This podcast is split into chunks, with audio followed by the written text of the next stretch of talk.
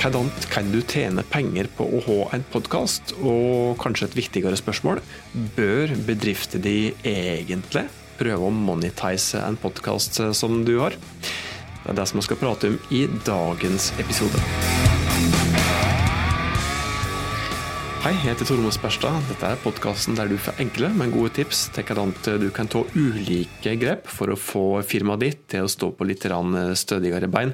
Rett og slett eh, tips, enkle tips for små og mellomstore bedrifter som ikke har eh, egne dedikerte markedsføringsteam, og som har begrensa med ressurser.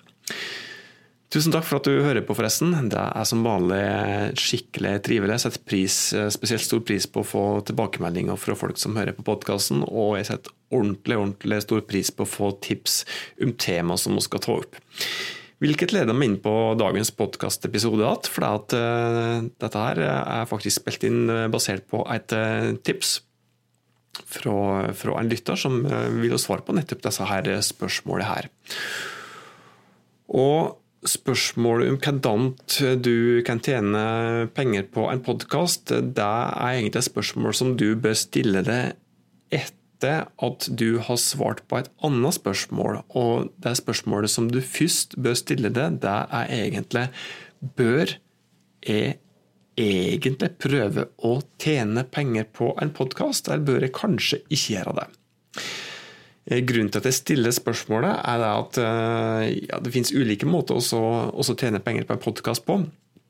Men uh, hvis du skal tjene penger på en direkte måte, ved å rett og slett ja, inngå sponsoravtale og få betalt for å rett og slett ha reklameinnslag på podkasten, og aktivere reklamefunksjoner, sponsorships, i den podkastplattformen du bruker, Eh, hvis du gjør det på den måten der, så må du iallfall stille det, det første spørsmålet om bedrifter egentlig bør monetise direkte.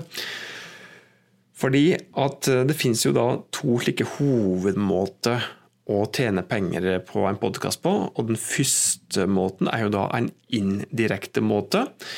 Indirekte i den forstand at eh, du da bruker podkasten til å kunne gi verdifullt innhold til den målgruppa som da faktisk lytter på podkasten din.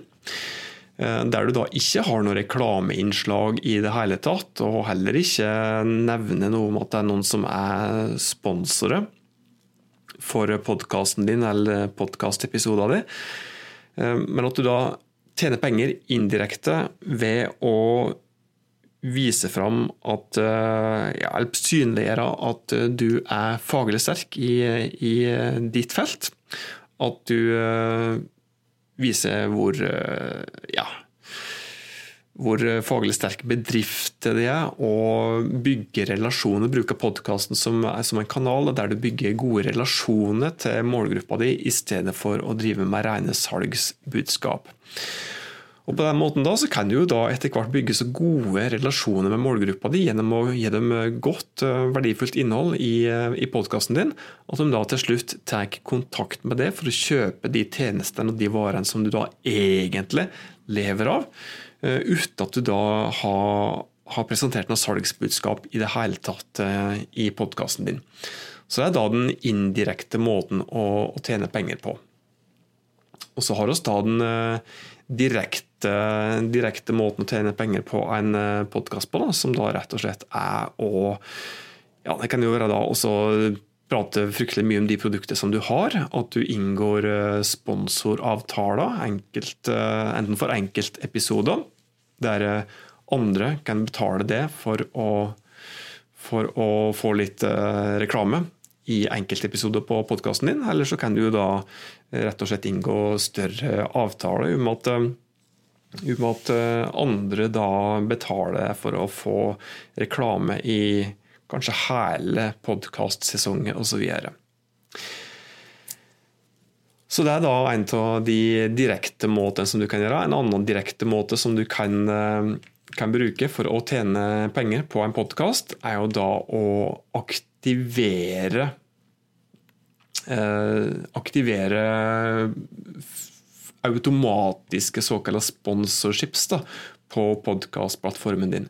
Hvis du f.eks. bruker Anchor som podkastplattform, som jeg prata varmt om tidligere, så har den podkastplattformen en, en, automatisk funksjon som du rett og slett bare kan skru på på Anchor-appen. og Det som da skjer, er at eh, den podkastplattformen vil komme fram til forslag til sponsorer for det, som du da kan akseptere. og Det som du gjør da, er å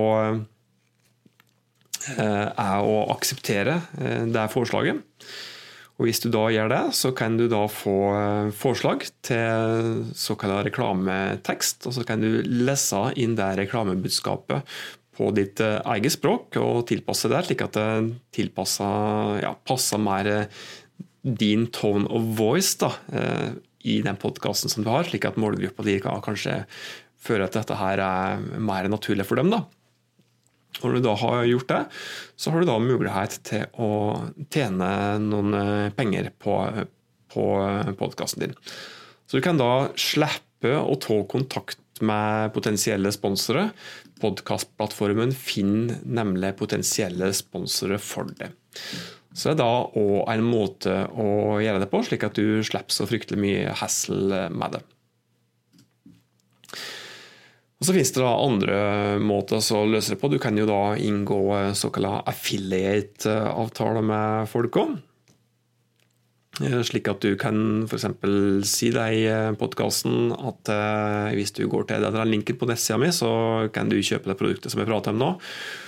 Eh, selvsagt så må du da merke dette eller angi at dette her er, er reklame. Det er din plikt å opplyse om det, og på en podkastplattform. Og Hvis det, da, det klikket der leder til et salg, så får du da en, en kickback som affiliate. Så det er da noen av de mest eh, vanlige måtene som du kan tjene penger på en podkast på. Jeg vil si det at før du i det hele tatt vurderer å prøve å tjene penger på en podkast, så vil jeg nok si det at du bør ha bra med lytt lyttere, og eh, ikke minst ei lojal lytterskar på podkasten din. Eh, du bør ikke prøve å tjene penger på podkasten umiddelbart, fordi at ja, det er ingen som gidder å betale det noe særlig da, uten at du har ei eh, decent lytterskare, for å si det slik. Og så lenge du da ikke har mulighet til å tjene særlig med penger på det, så virker det da egentlig bare for dumt at du da putter på altfor mye reklamebudskap i podkasten din. da. Det er dumt for det, for det at reklame det blir ofte oppfatta som masete blant lytterne dine. Det er et avbrudd, det er ikke det de egentlig kommer for å få. Og så er det jo dumt for det òg, at, at eh, du ikke får noe særlig igjen for det. Så hvis du har bestemt deg for å monetise på podkasten i det hele tatt, så vil jeg nok si deg at du uansett må vente til du har ei eh, bra følgerskare før du i hele tatt, eh, det tatt vurderer å, å begynne med det, altså. Eh, fokuser i starten på å gi nyttig innhold til målgruppa di, altså det innholdet som du da har lovd i forhold til det konseptet som du har i podkasten din. Og når du da etter hvert gjør det, så får du da forhåpentligvis en såpass god lytterskare at at du eh, kan bli interessant for, eh, for, potensielle samarbeidspartnere som er villige til å betale det noen kroner.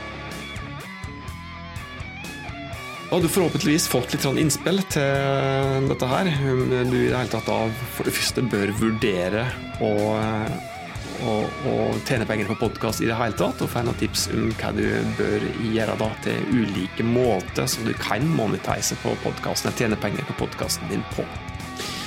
Som vanlig, hvis du syns at denne episoden her var nyttig for deg, så er jeg ordentlig glad hvis du tipser noen om episoder. Og send meg en DM på Insta hvis du har ønske om ting som vi skal prate om i denne podkastserien her. Inntil oss eh, høres neste gang ta godt vare på deg og dine.